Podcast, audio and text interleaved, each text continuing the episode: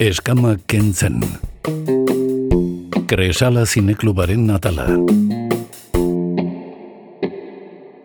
Asteartea da, entzule badekizue asteartetan itzordua daukagula zinemarekin, baita ere ostegunetan, ostegunetan etorzen zaigulako Josemi Beltran, Donostia Kulturako zine unitatearen zuzendaria, baina gaur asteartea da, eta esamezala, Kresala Zineklubeko laguna kurbiltzen zaizkigu, gaurkoan, Pedro Saldaña dugu, aurreko astean ere gurekin egon zen, ze, bueno, Ulrich Seidel asko gustatzen zaio, eta justu iazko, oza, eta justu joan den astean, eta a, eta aste honetan, e, bere bi pelikula jarriko dituzte, eta jarri dituzte e, kresalan, gaurkoan, Espartaren txanda da, iazko pelikula da, eta badekizue, zuzendari austriarrak, ba, bueno, polemikarekin aurkeztu zuela pelikula hori joan den urteko zinemaldian, galdetuko diogu Pedro Saldañari zergatik eta ea ados dagoen, sortu zuen iskamilarekin. Egunon, Pedro, ¿qué tal estás? Muy buenas, muy bien, gracias. Bueno, vamos a hablar de Esparta. La semana pasada ya hablamos un poquito de Ulrich Seidel, este director eh, que tiene una forma de contarnos las cosas bastante peculiar, del que tú eres fan. Esta vez eh, vais a proyectar Esparta y lo primero de todo, antes de hablar de otras cosas que no se suscriben propiamente a lo cinematográfico, cuéntanos de qué trata esta, uh -huh. esta historia.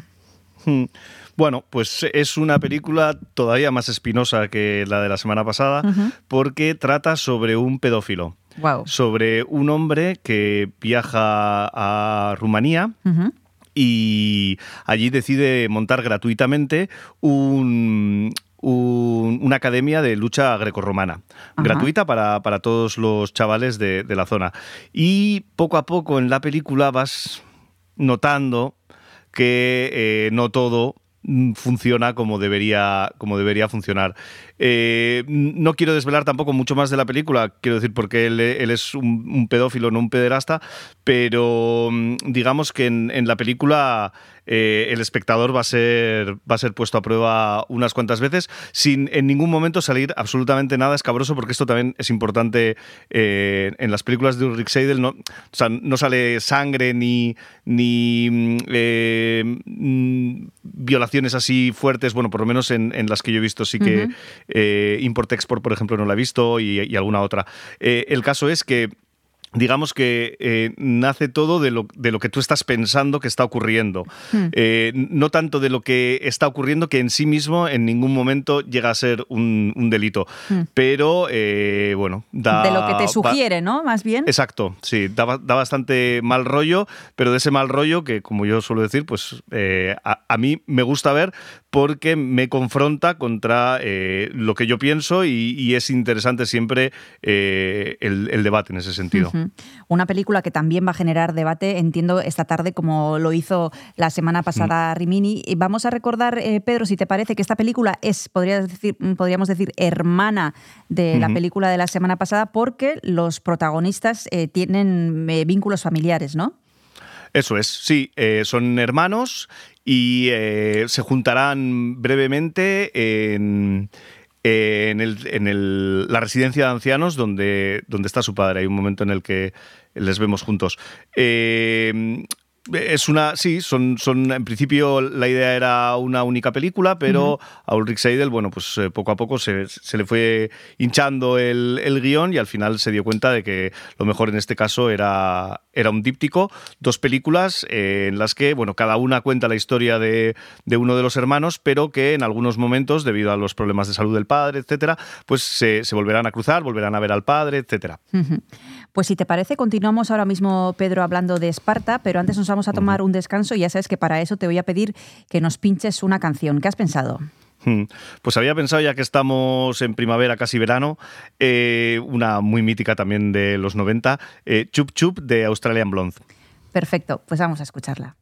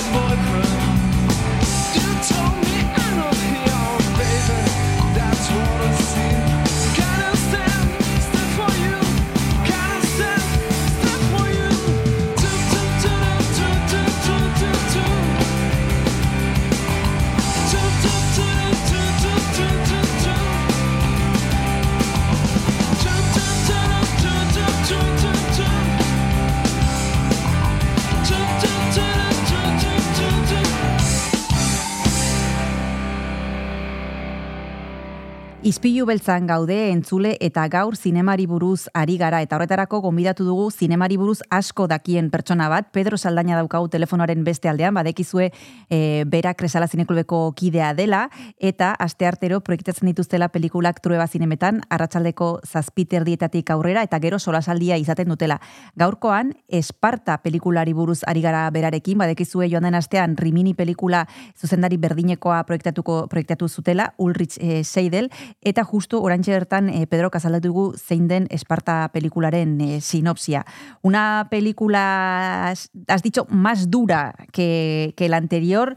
Eh, no sé si en algún momento tuviste que cerrar los ojos o pensaste en cerrar los ojos, aunque como decías, no hay tampoco escenas que sean especialmente, bueno, que, que sean demasiado específicas, ¿no?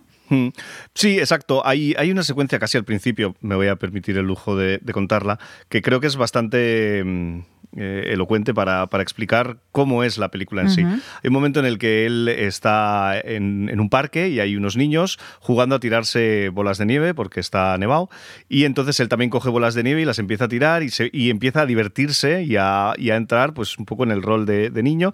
Está jugando y hay un momento en el que eso cesa, se mete en el coche y se pone a llorar y a golpear el, volante con rabia. Eh, la sensación que yo tengo es que esa rabia es porque él quiere, eh, digamos, abusar de esos niños, pero sabe que no puede. Y eh, digamos que esa, ese negarse a sí mismo sus propios instintos eh, le, provocan un, dolor y un sufrimiento que es el que se ve eh, en el coche en ese momento. Creo que mm, la manera de acercarse a, este problema eh, evidentemente es que en el momento en el que alguien comete un delito, pues tendrá que ser juzgado, pero en el momento en el que no ha cometido un delito, pero tú sabes que es, que es un enfermo, ¿qué es lo que tienes que hacer? Tienes que odiarle para siempre, tienes que intentar que, o sea, pensar que podría recibir terapia y que esa podría ser la solución.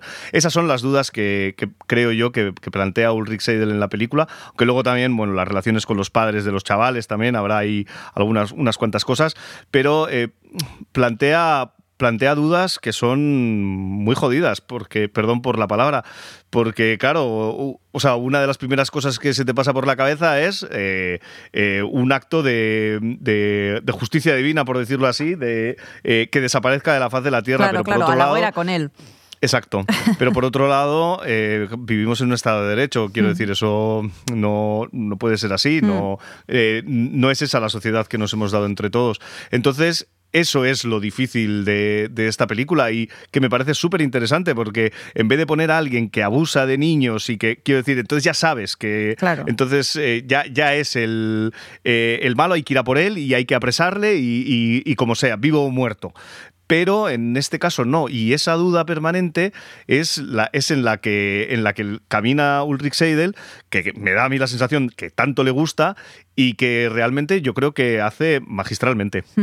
Sí, porque hay muchas opiniones que van en ese sentido, Pedro, eh, que la película eh, está hecha pues muy muy bien y calculadamente así, eh, más con ganas de crear discusión que polémica, que polémica la ha tenido, pero por otras circunstancias que ahora comentaremos, pero más con esa idea, ¿no? De, que se hablen de cosas que habitualmente no, no queremos eh, tratar, pues porque nos resultan incómodas. Claro, porque tenemos muy clara cuál es nuestra postura, porque sabemos que es un hijo de puta que merece la muerte, pero Perdón otra vez por haberme expresado así, pero eh, quiero decir, es lo primero, es, como el primer impulso, pero, pero después de eso eh, viene, viene todo lo demás, viene pensar, vale, qué es exactamente lo que está haciendo, cómo lo está haciendo, qué se puede hacer para, evitarlo, etc.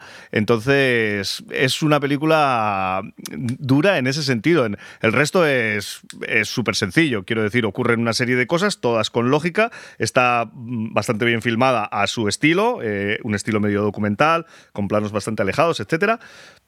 Pero bueno, que quiero decir, en ese sentido es una, es una película convencional. El tema que propone es el tema en el que, bueno, pues eh, hay quien decide poner pie en pared y decir yo no quiero, a mí este señor no tal, y luego, pues estamos los que decimos, hombre, yo quiero verlo, y una vez que lo hayamos visto, vamos a hablar un poco de qué es lo que cuenta, de cómo lo cuenta, que yo creo que además pues lo hace muy bien. Pedro, eso es con respecto a la película, pero como decíamos al principio, esta película vino al Festival de San Sebastián del año pasado envuelta de polémica, iba a venir el propio Ulrich Seidel a presentarla, finalmente no asistió. ¿Qué pasó? Cuéntanos, recuérdanoslo. Sí, sí, sí. Eh, bueno, yo además fui, fui a verla al, al Cursal, estaba en sección oficial. Y como bien dices, pues está en la sección oficial, suelen venir todos los directores, los actores a presentar la película.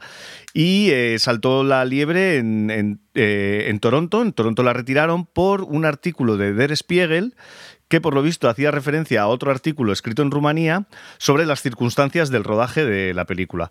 Eh, es medio confuso, quiero decir, yo solo leí la noticia que hacía referencia a Der Spiegel, pero lo que decían era que Ulrich Seidel no había respetado los, los horarios laborales y eh, con los niños y que a los padres no se les había explicado de, qué iba la película, cosa que eh, Ulrich Seidel niega eh, de manera tajante y ahora además que ha pasado tiempo, eh, todas esas denuncias han, quedado en nada, quiere decir, no han prosperado. Si, si hubiesen, si está estipulado que los niños no sé cuántas horas trabajan, pero 8, 7 trabajarán menos que, que los adultos eh, y, han, y lo han incumplido, bueno, pues es evidente que, que, hay un incumplimiento y habrá algún tipo de registro de eso. De la misma manera, el tema del guion yo lo veo más complejo porque es cierto que si te lees el guion, claro, tienes que interpretar lo que lees. O sea, antes cuando he comentado la secuencia en la que el tío, claro, si no, o sea, yo, si, yo no me entero de nada, si yo leo por leer y leo que un tío se mete en un coche y se pone a dar golpes al volante, digo, pues mira, pues,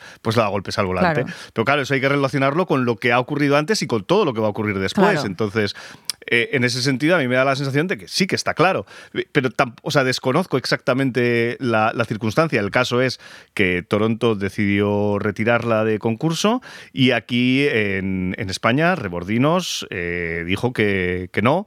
Y además a mí me parece bastante sensata su postura porque él dijo que o sea, que la, película en sí misma no, no estaba envuelta en, un delito. Quiero decir, hay, había una denuncia que había salido en un periódico, pero que ni siquiera estaba judicializado, y que, y que el, em, el Festival del Cinemaldi no puede cancelar películas porque haya no sé quién que haya denunciado a la script o al dire de foto o a no sé qué, que no Quiero decir que la película es algo que, es, mm, por decirlo de alguna manera, está por encima de la gente que lo ha hecho en el sentido de es una obra y, vamos, que no tiene nada que ver. Eh, sí que es cierto que Ulrich Seidel pues, declinó venir. Él decía que para, generar, para no generar más, más polémica, eh, la verdad es que yo en su momento ah, yo hubiese preferido que hubiese venido y que lo hubiese defendido, pero es verdad que entiendo que bueno, prefirió dejar, eh, dejar correr el tiempo para, entiendo, para que las cosas pues vuelvan a su cauce, se vea que al final las denuncias no han prosperado y que realmente ha quedado como un episodio un poco, un poco oscuro eh, en el que pues nadie ha arrojado luz y si nadie ha arrojado luz tampoco quiero decir no sé si es del director de quien debemos desconfiar no sé qué intereses había para que eso saliese no sé exactamente tampoco qué eh, personas fueron las que las que interpusieron la denuncia entonces como que quedó todo muy en el aire. Pues si te parece vamos a seguir hablando de esta polémica que surgió a raíz de la proyección de la película Esparta en el Festival de Donosti el año pasado, pero nos vamos a tomar el segundo y último descanso, Pedro, y para eso te voy a pedir una canción. En el primer descanso nos has propuesto Australian Blonde y en el segundo, ¿a quién nos propones? Pues cambio radical total de registro, eh, Marea Gora de Coma. Perfecto, pues vamos a escucharla.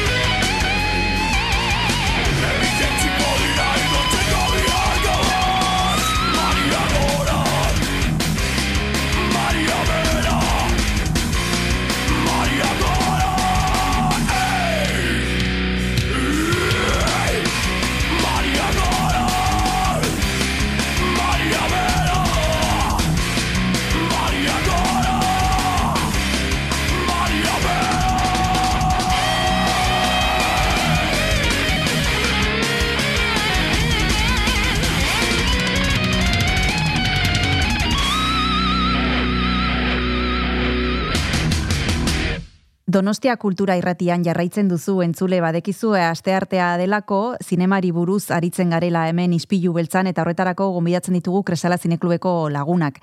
Gaurkoan, arratsaldeko zazpiterdietan eta tureba zinemetan, e, astero egiten duten bezala, Esparta proiektatuko dute, badekizue Austriatik datorrela pelikula, Ulrich Seidel zuzendariak e, zuzendutakoa, baita ere, eta Veronika Franzekin batera gidoia egin zuen, eta as, as, esplikatu duen e, moduan, e, pelikula hau izango litzateke Rimini pelikularen e, anaia edo eta elkarrekin datozela, bere momentuan gidoia elkarrekin, bueno, dena batera egin zuten eta hortik sortatu ziren bi pelikula. Esparta, como decíamos, que es una película que llegó envuelta de polémica no propiamente ligada a lo que es la película en sí y de hecho por ahí han ido algunos de los críticos diciendo que si la polémica no hubiera existido, pues igual sería considerada de una mejor manera la película que de alguna manera también ha, conseguido manchar un poquito todo esto que pasó, la, historia en sí, ¿no? Hmm. Sí, es que además, eh, como digo, creo que es una película en muchos, muchos sentidos muy valiente por no, por no juzgar eh, directamente los hechos, sino más bien mostrarlos y dejar que seamos nosotros los que vamos viendo cómo, cómo suceden los acontecimientos.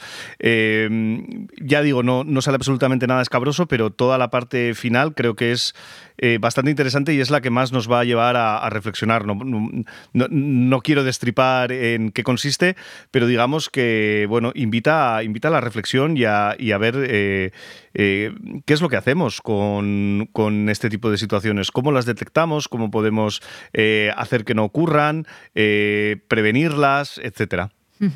En el momento en el que la viste tú, eh, Pedro, que fue en el festival del año pasado, ya hace unos meses, ¿cuál era el comentario generalizado después de ver la película cuando salisteis del Cursal eh, y compartiste café con compañeros y amigos? Eh, ¿Cuál era la, sensación general? ¿En general gustó? ¿No gustó?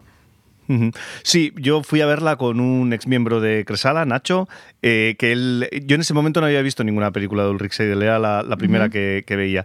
Y al salir, recuerdo perfectamente que él, bueno, me comentó que, que le había gustado bastante y que él la definió como la historia de un enfermo.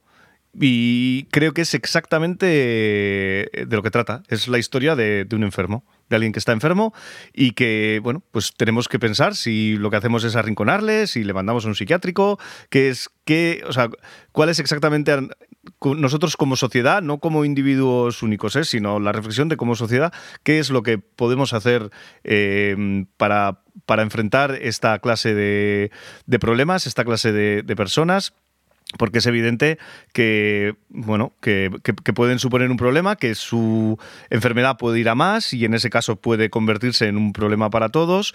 Eh, pero claro, ahí pues chocamos con que hasta que no se comete un delito eh, no se le puede eh, encausar a nadie.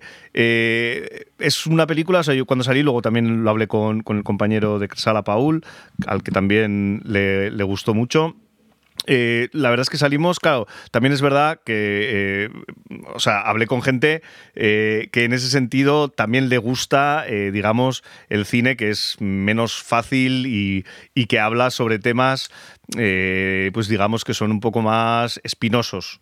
Pedro, nos has contado antes que esto en Toronto, pues es cuando supieron que, había una revista que eh, informaba sobre las posibles eh, bueno, malas, malas prácticas del director en el rodaje de las películas con, respecto a los niños y decidieron eh, quitar la, película, no proyectarla. Sin embargo, aquí José Luis Rebordinos decidió seguir adelante. ¿Te da la sensación de que cada vez más estamos asistiendo a, a películas que, o a personas incluso que son canceladas por, por situaciones que no sabemos muy bien si son así, pero que basta que en cualquier sitio aparezca alguien diciendo algo para ya eh, hacerle una, cruz encima. ¿Te parece que esto está yendo a más? Mm, a ver, me parece un pedazo de tema el que, el que propones, el tema de la cultura de la cancelación, porque por un lado eh, las redes sociales y el acceso a Internet ha democratizado mucho eh, lo que todo el mundo puede decir y creo que eso es súper positivo. Todo el mundo puede tener una voz en, Twitter y, todo el mundo puede expresar su opinión. Eh, Tampoco estoy de acuerdo con declaraciones de, yo qué sé, Mario Vaquerizo, etcétera, de que hace 40 años que si se vivía mejor, etcétera. Eh, porque, bueno, en fin. Eh, sí que me preocupa un poco sobre todo cómo hay algunas eh, películas, sobre todo las que tratan temas relacionados con el sexo, que hay, digamos, grupos ultracatólicos, etcétera, que, digamos, que sacan, sacan sus garras y ponen eh, todo un, mecanismo de, odio y de, y bilis contra una película que ni siquiera han visto, o sea, la mayoría de las veces. Hablamos muchas veces de películas que todavía están en festivales, etcétera, con lo cual hay muy poca gente que la haya visto. O sea, no es una película que se ha estrenado.